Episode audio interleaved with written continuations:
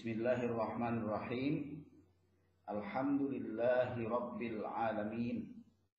Wa bihi nasta'inu ala umuri dunya waddin.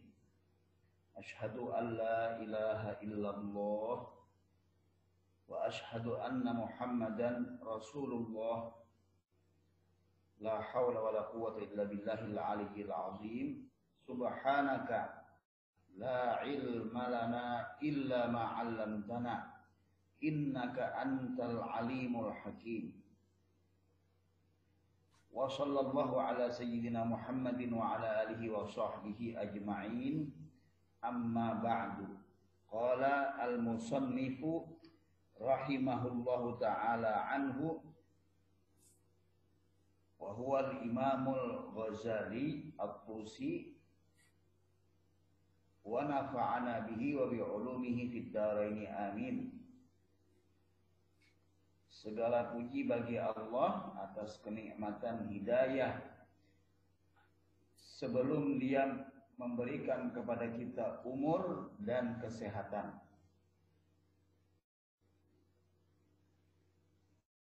Salawat kepada Rasulullah Sallallahu Alaihi Wasallam amma ba'du berkata Al-Imam Al-Ghazali Al-Qusi di dalam kitab Al-Mursyidul Amin tentang mengingat kematian dan apa yang ada dan terjadi sesudah peristiwa kematian.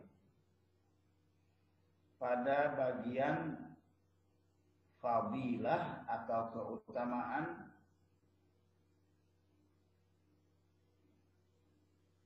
memperpendek angan-angan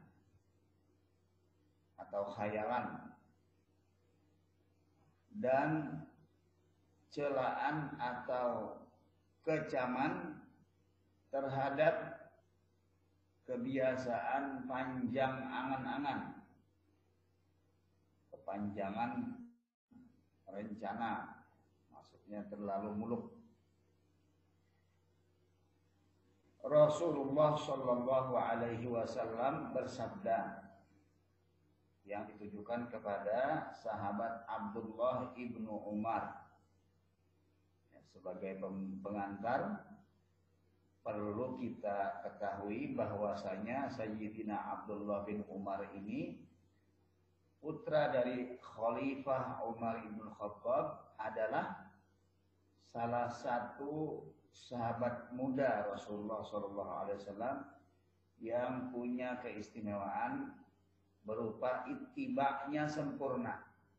Itibak dalam bahasa Arab yang berarti mengikuti Rasul. Kenapa bisa disebut sempurna? Karena sangat viral bahwasanya beliau itu di antara para ulama ya sejarahnya pernah mengalami keadaan mengikuti langkah-langkah Rasulullah hampir seharian. Dia mengikuti dari subuh sampai sore. Ya. Beliau ikuti tindakan, langkah, pekerjaan sehari itu dalam hal beribadah. Ya. Itu beliau kerjakan sesudah Rasulullah wafat pekerjaan beliau itu disaksikan oleh murid-murid beliau. Ketika beliau ditanya aktivitas sehari itu, beliau mengatakan bahwasanya yang kukerjakan sejak pagi tadi sampai saat ini sore hari inilah yang dikerjakan persis oleh Rasulullah. Apa itu pekerjaannya? Ya ketika itu pagi-pagi Abdullah bin Umar mengerjakan apa yang pernah dilihatnya Rasulullah mengerjakan. Membaca Al-Quran misalnya beliau baca Al-Quran. Di waktu pagi beliau zikir di waktu pagi. Kemudian ketika waktu duha tiba beliau melaksanakan sholat duha. Saat beliau berada di Raudhah beliau memegang memegang um, tempat duduk khotib di mimbar Rasulullah atau memegang mimbarnya pada waktu itu nggih. Kemudian beliau pergi ke suatu, ke suatu tempat ya. Kemudian beliau menyeberang. Nah, seharian itu kata beliau itu pekerjaan saya adalah persis yang dikerjakan Rasulullah Shallallahu Alaihi Wasallam sepengetahuan saya kata beliau. Jadi beliau ittiba mengikuti sunnah itu zahiran. Ya, pekerjaan fisiknya Rasulullah plus ibadahnya juga. Itu yang terkenal di kalangan para ulama. Ya, artinya pada saat sekarang boleh saja orang mengikuti Rasulullah secara fisik. Mau berpakaian serba putih di hari Jumat boleh. Atau berpakaian warna merah ya, di waktu hari raya karena pernah Rasulullah Shallallahu Alaihi Wasallam melakukan itu juga boleh secara fisik. Mau misalnya kita mampu mau beli onta lalu kita naik onta misalnya semata-mata pengen ya sekali sekali sekali pengen nih eh, katanya Rasulullah dulu apa namanya naik onta Bolehlah itu. Tapi tidak dipaksakan. Memang yang apa namanya yang penting itu adalah kita mengikuti rohaninya Rasulullah dengan segala kemampuan rohnya dari semangat Rasulullah bertindak. Kalau kita tidak mampu sampai pakaian mengikuti beliau atau gaya rambut dan lain-lain, Ya, kita ikuti yang umum saja. Tetapi boleh zahiran wa batinan itu tidak ada masalah kalau itu tidak menyulitkan kita dalam hal ittiba Rasulullah atau mengikuti sunnah Rasul. Baik. Itu tentang Abdullah bin Umar. Nah, Rasulullah Shallallahu Alaihi Wasallam bersabda kepada beliau ketika itu. Iza asbahta fala tuhaddis nafsaka bil masai. Ya, Abdullah bin Umar apabila tiba waktu pagi maka kau akan membicarakan waktu sore tentang dirimu. Nasihat Rasul nih. Jadi kalau pagi ya urus tentang paginya kita saja, tidak berkhayal tentang bagaimana kita sore nanti. Jadi supaya up to date Rasulullah mengajarin kita supaya saat ini juga yang dikerjakan. Wa iza amsaita fala tuhaddis nafsaka bis Ketika tiba waktu sore, Jangan kamu membicarakan waktu pagi tentang dirimu. Wa khuz min hayatika limautika min sihhatika.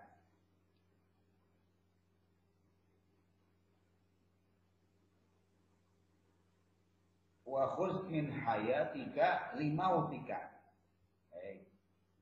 ambillah sebagian dari hidupmu itu untuk kematianmu. Kita berpikir bersiap tentang mati, sebagian saja, jangan seluruh hidupnya. Wa min sehatika lisaqamika. Dan dari sebagian kesehatanmu itu, engkau bersiap-siap menjaga diri saat datangnya sakit. Fa innaka ya Abdullah la tadri ma ismuka gadan. Karena sesungguhnya engkau wahai Abdullah tidak mengetahui atau tidak akan tahu siapa namamu besok. Maksud Rasulullah adalah besok itu kamu masih dipanggil Abdullah apa tidak. Ya, dibicarakan tentang kamu apa tentang almarhum Abdullah. Ya, maksudnya siap-siap untuk kematian. Okay? Supaya saat kita hidup ini ya memang tidak boleh panjang angan-angan tetapi ya ada sedikit pikiran persiapan jaga-jaga kalau dipanggil oleh Allah Subhanahu wa taala mendadak. Ya, dadaan mufajaah dalam bahasa Arabnya yang mati mendadak. Wafat tiba-tiba. Adalah itu pikirkan persiapan sehingga saat kita hidup ya tidak hura-hura saja tidak pikiran seakan-akan saya selama-lamanya hidup. Lalu kita lalai memikirkan tentang kematian termasuk. Di pada saat kita sehat, ya bersiap-siaplah punya obat ya, atau apalah dijaga kalau-kalau ada sakit yang datang tiba-tiba. Jadi walhasil dari sini untuk keadaan kita saat ini ya sangat biasa saja. Bahwasanya corona itu datang sebagai sebuah penyakit yaitu memang alamiah. Bahwa apa penyakit itu adanya namanya bagaimana itu urusan Allah. Tetapi kita pikirkan adalah bagaimana kita menghindari atau mengobati penyakit ini. Bukannya kita hadapi dengan keluhan, dengan marah, dan kesannya menyalahkan yang kuasa. Ya. Dimulai dengan menyalahkan orang-orang yang mengatur kita, misalnya pemerintah. Yang paling penting adalah bagaimana kita terhindar dari penyakit ini atau kita tidak kena sakit atau kena juga ya kita bisa mengobatinya. Maka kemudian yang ada pada pemerintah itu kita manfaatkan. Ya. Misalnya pemerintah mengatur protokol kesehatan. Nah, ini kan untuk menghindari agar pandemi ini tidak semakin meluas misalnya. Kita ambil yang positif itu. Ya, kita jadikan mitra semua orang dengan persangkaan baik kita. Ini yang yang penting bagi kita untuk memikirkan keadaan kita saat ini. Jadi apa yang datang dari Allah berupa takdir itu kita terima ya, dengan segala pertahanan kita. Ya kita harus tanda kutip ya membanggakan Allah dong sebagai makhluknya. Jangan lemah. Sebagai manusia kita kan dibekali sangat sempurna. termasuk berpikir tentang hidup dan mati. Hidup dan mati itu sesuatu yang lumrah. Ada hidup, ada mati. Alladzi khalaqal mauta wal hayata yabluwakum ah, ahsanu amala. Ayyukum ahsanu amalan. Dalam surah Al-Muluk ayat 2. Diciptakan hidup dan mati untuk mencari yang terbaik amal manusia ini. Bagaimana dia menghadapi hidup bagaimana, menghadapi mati bagaimana. Sedangkan dua hal itu mesti terjadi. Baik. Jadi mengingat kematian itu supaya menghentikan angan-angan kita dalam hal hidup. Ya, kita tertib, ya kita bicarakan itu yang saat ini, ya, yang segera akan kita lakukan kita tidak mengerjakan sesuatu yang nanti uh, diurusnya gitu. Kita bicarakan gitu, kita kerjakan. Nah, itu dikecam oleh agama. Baik. Sayyidina Ali radhiyallahu anhu wa karramallahu wajhah meriwayatkan sebuah hadis Rasulullah sallallahu alaihi wasallam saat beliau hina qala saat beliau bersabda apa sabda Rasulullah? Inna asyadda ma akhafu alaikum khoslatani. Sesungguhnya yang paling aku khawatirkan pada diri kalian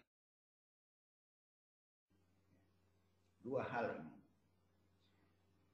Ittiba'ul hawa wa tulul amali. Yang pertama adalah mengikuti hawa nafsu. Kata orang Jawa sakar PDW. Wa tulul amali dan panjang angan-angan, panjang harapan. Bukan harapan ya, angan-angan. Kenapa dua hal itu yang dikhawatirkan oleh Rasulullah? Yang satu mengikuti hawa nafsu, mengikuti hawa ya. Yang kedua panjang angan-angan. Sebabnya adalah fa'amma ittiba'ul hawa fa innahu yasuddu anil haqqi. Karena mengikuti hawa nafsu kata Rasulullah bisa menghalangi dari kebenaran bisa berbuat sekehendak hatinya tanpa aturan. Yang penting nafsu saya terpenuhi. Nah, ini yang bahaya. Khawatir Rasulullah dengan kita tentang. Wa amma tulul amali, adapun panjang angan-angan, fa innahu yujibul hubba lid dunya. Kalau panjang angan-angan itu bisa yujibu memastikan atau melahirkan kecintaan yang keterlaluan terhadap keadaan dunia atau duniawi yang hanya bersifat sementara ini. Ini nasihat penting bagi kita. Ya. ya terutama ini nasihat bagi yang bicara ini, yang baca ini, terutama saya dinasihati luar biasa ya oleh Allah ini. Dengan penyakit yang bersarang di tubuh itu nasihat luar biasa. Bahwasanya sehebat-hebatnya kamu tidak bisa menyembuhkan sendiri penyakitnya, harus minta tolong kepada orang lain, harus banyak doa dan kamu dekat dengan kematian. Hati-hati kalau berbuat. Nah, itu nasihatnya, gitu.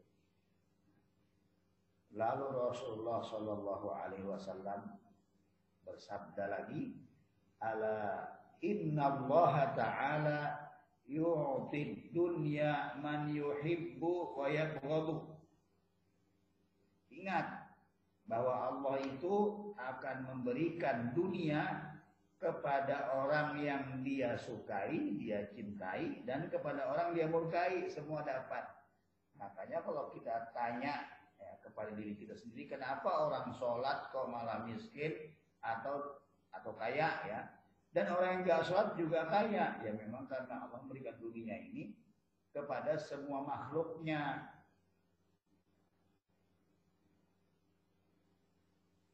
baik yang menyembah dia ataupun yang tidak. Itu orang-orang yang tidak seagama dengan kita atau orang yang jahat kita lihat lempeng-lempeng aja hidupnya ya. Beres-beres aja bisnisnya. Kenapa kita yang pakai duha pakai ini juga? Sama juga tidak lebih. Nah ini jawabannya.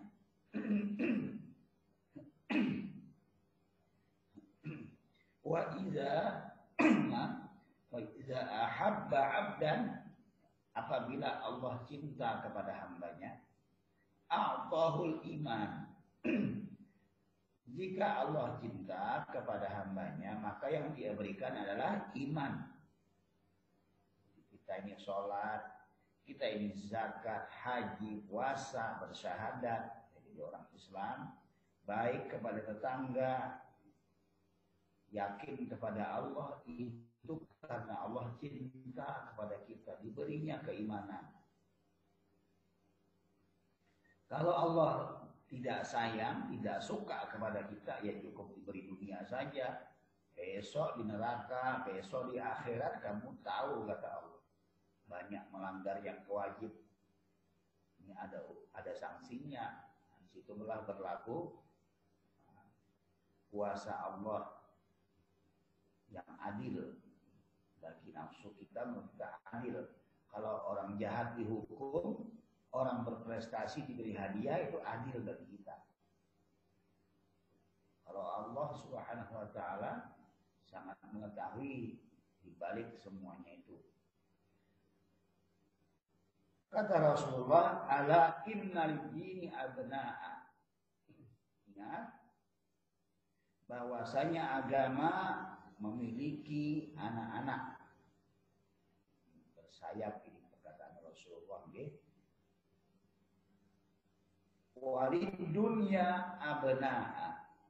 Dan dunia juga memiliki anak-anak. Ya, ada orang-orangnya agama ini. Ada penggemarnya ini agama dunia pun ada penggemarnya. Fakunu min abna iddin. Maka jadilah kalian menjadi anak-anaknya agama. Orang-orangnya yang senang agama, kata Rasulullah.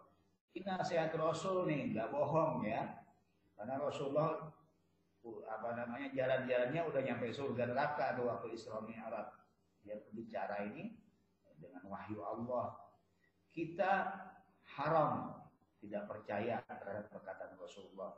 Itu i'tiqad sun ahlus sunnah wal jamaah. Haram hukumnya tidak percaya atau meragukan Rasulullah.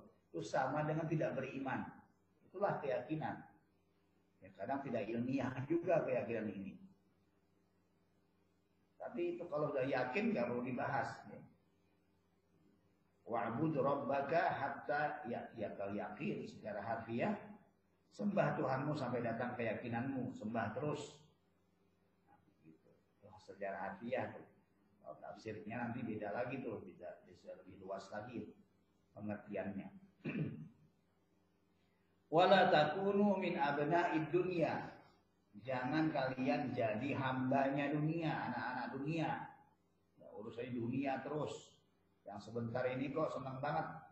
Kayak selamanya. Nah, jangan. Ala inna dunya qadir tahalat muliyatan. Ingatlah bahwa dunia itu dia akan pergi. Ala innal akhirata qadir tahalat muqabilatan. Ya, dunia itu akan pergi meninggalkanmu dan akhirat akan segera mendekatimu kata Rasulullah sallallahu alaihi wasallam. Ini jadi peringatan bagi kita nih.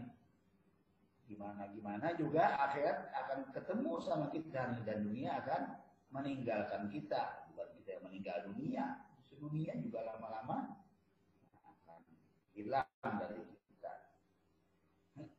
Maka kita meninggal dunia itu karena kita berpisah. Eh? Dia akan datang akhirat ini kepada kita ala wa innakum fi yaumi amalin laisa fihi hisabun. Ingat kata Rasulullah kamu saat di dunia saatnya kamu beramal tanpa hisab nih di sini. Mumpung gak dihitung sekarang ini banyak-banyak berbuat kebaikan. Saat di dunia tidak ada hisab ala wa innakum tushikuna fi yaumin hisabin. Laisa lahu eh, laisa fihi amalun. Nanti kamu sebentar lagi kata Rasulullah akan mengalami hari di, di mana di hari itu tidak ada amal lagi yang ada cuma hisab. Nah ini celaka kita. Tidak bisa lagi memperbanyak amal eh? pada saat sudah kematian datang jemput kematian, masuk kubur, tidak bisa beramal lagi. Diam sudah. Ya, salah kita sendiri kenapa waktu di dunia tidak menggunakan kesempatan. Baik, ya. Ini selamat datang Pak Margiono dari VV, ya, VP Pelindo 2 matahari juga Pak Matahari, matahari Pak Sahat di dosen MEP UGM selamat bergabung. Ini kita sebenarnya tidak ada yang diajari bapak-bapak nih, kita saling belajar. Umurnya juga hampir sama, pengetahuan pun hampir sama tentang agama. Kebetulan saja saya bagian yang membacakan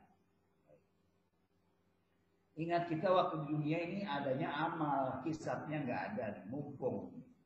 Dan nggak diawasin, udah nggak langsung dinilai. Banyak-banyak aja kita kumpul amal kita, gak urusan. ya. Selagi kita mampu berbuat baik, berbuatlah. Tolonglah orang lain itu. Eh, sedangkan keadaan kita meskipun perlu, perlu pertolongan ya kita berusaha ya kita berusaha tidak melemahkan diri dengan meminta-minta atau mengeluh. Ya, kalau kita kekurangan uang yang kita usahakan supaya kita tidak meminta ya kita berhutang lah supaya kita ada nah, keinginan untuk usaha membayar hutang itu lebih beradab daripada minta ya. atau kalau kita juga perlu duit kita tidak langsung minta duit ya kita berhutang. Kalau bisa tidak tidak berhutang tapi minta solusi. Ini kan lebih sopan lebih beradab. Supaya kita tidak menyusahkan orang lain. Tapi kalau solusi juga rasa-rasa yang kita tidak mampu ya kita dengan sopan minta pertolongan kepada orang. Karena memang begitu syariatnya itu namanya hakikatnya kita juga perlu kepada makhluknya Allah yang diberi kelonggaran.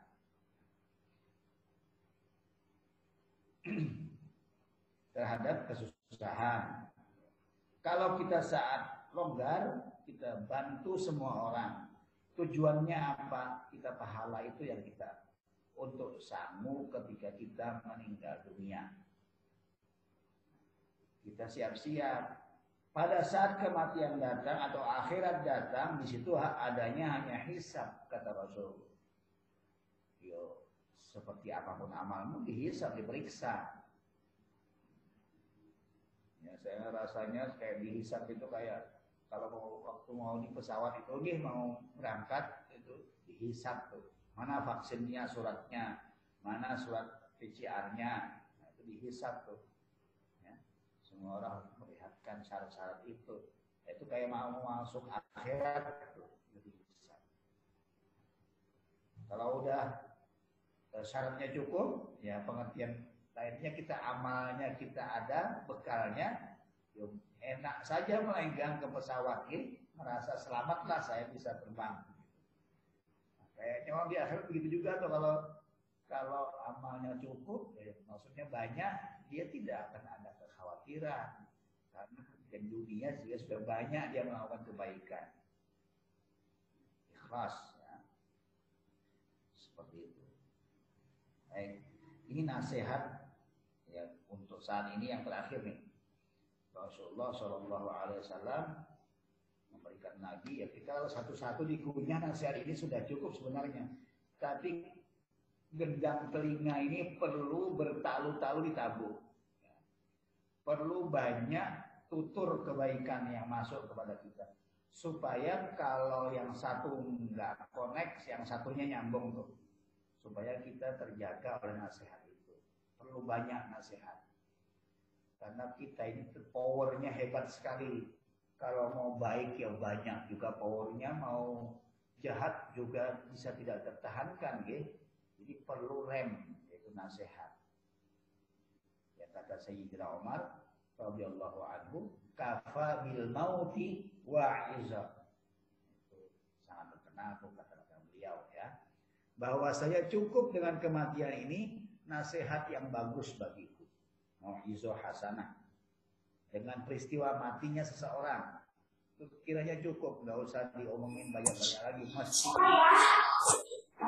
tapi karena ini ya kita kan punya kelemahan perlu sering dinasehati, ditegur dengan berbagai cara, dicontohin, ya, dibaikin, dimanja dengan nasihat yang santun, atau mungkin digojlok dengan nasihat yang serem, ya. nasihat yang ganas. Perlu juga dibentur-benturkan kita ini. Ya, supaya kita menjadi nasi kalau kita ibarat padi, ya. Ya, padi itu perlu dipotong dulu, dipisahkan dari tangkainya, perlu diaduk-aduk dulu dalam mesin, ya mesin apa namanya, mesin padi itu saya lupa. Nah, untuk apa di sini namanya di kampung saya namanya menyalip padi menjadi beras. Atau perlu ditumbuk-tumbuk itu padi, tumbuk-tumbuk dulu biar lepas kulitnya, ya biar keluar biji berasnya. Saya tidak tahu apa namanya itu di dalam bahasa Jawa, gitu, saya lupa. Ya, supaya keluar padi tanpa kulit itu, kemudian juga perlu dipanasin, ya, di apa dimasak dengan api Nah, akhirnya menjadi nasi yang pulen, nasi yang enak untuk bermanfaat banget bagi orang mengenyangkan. Ya. Semestinya kita seperti itulah, ya, tidak dibentur-benturkan masalah, dicuci sana sini oleh nasihat guru-guru kita yang santun maupun yang keras, supaya hasilnya kita yang baik, ya. kata-katanya santun, perbuatannya enak, ya, membantu orang lain bermanfaat, teratur, rapi dipandang, dan lain-lain. Hasilnya juga dinikmati. Orang kalau ada kita itu semuanya menjadi nyaman. Itu mestinya seperti itu kita. Ya kita ini saat ini dibentur-benturkan oleh nasihat nih. Apa nasihat Rasulullah? yang terakhir saat ini Rasulullah Shallallahu Alaihi Wasallam wa washabihi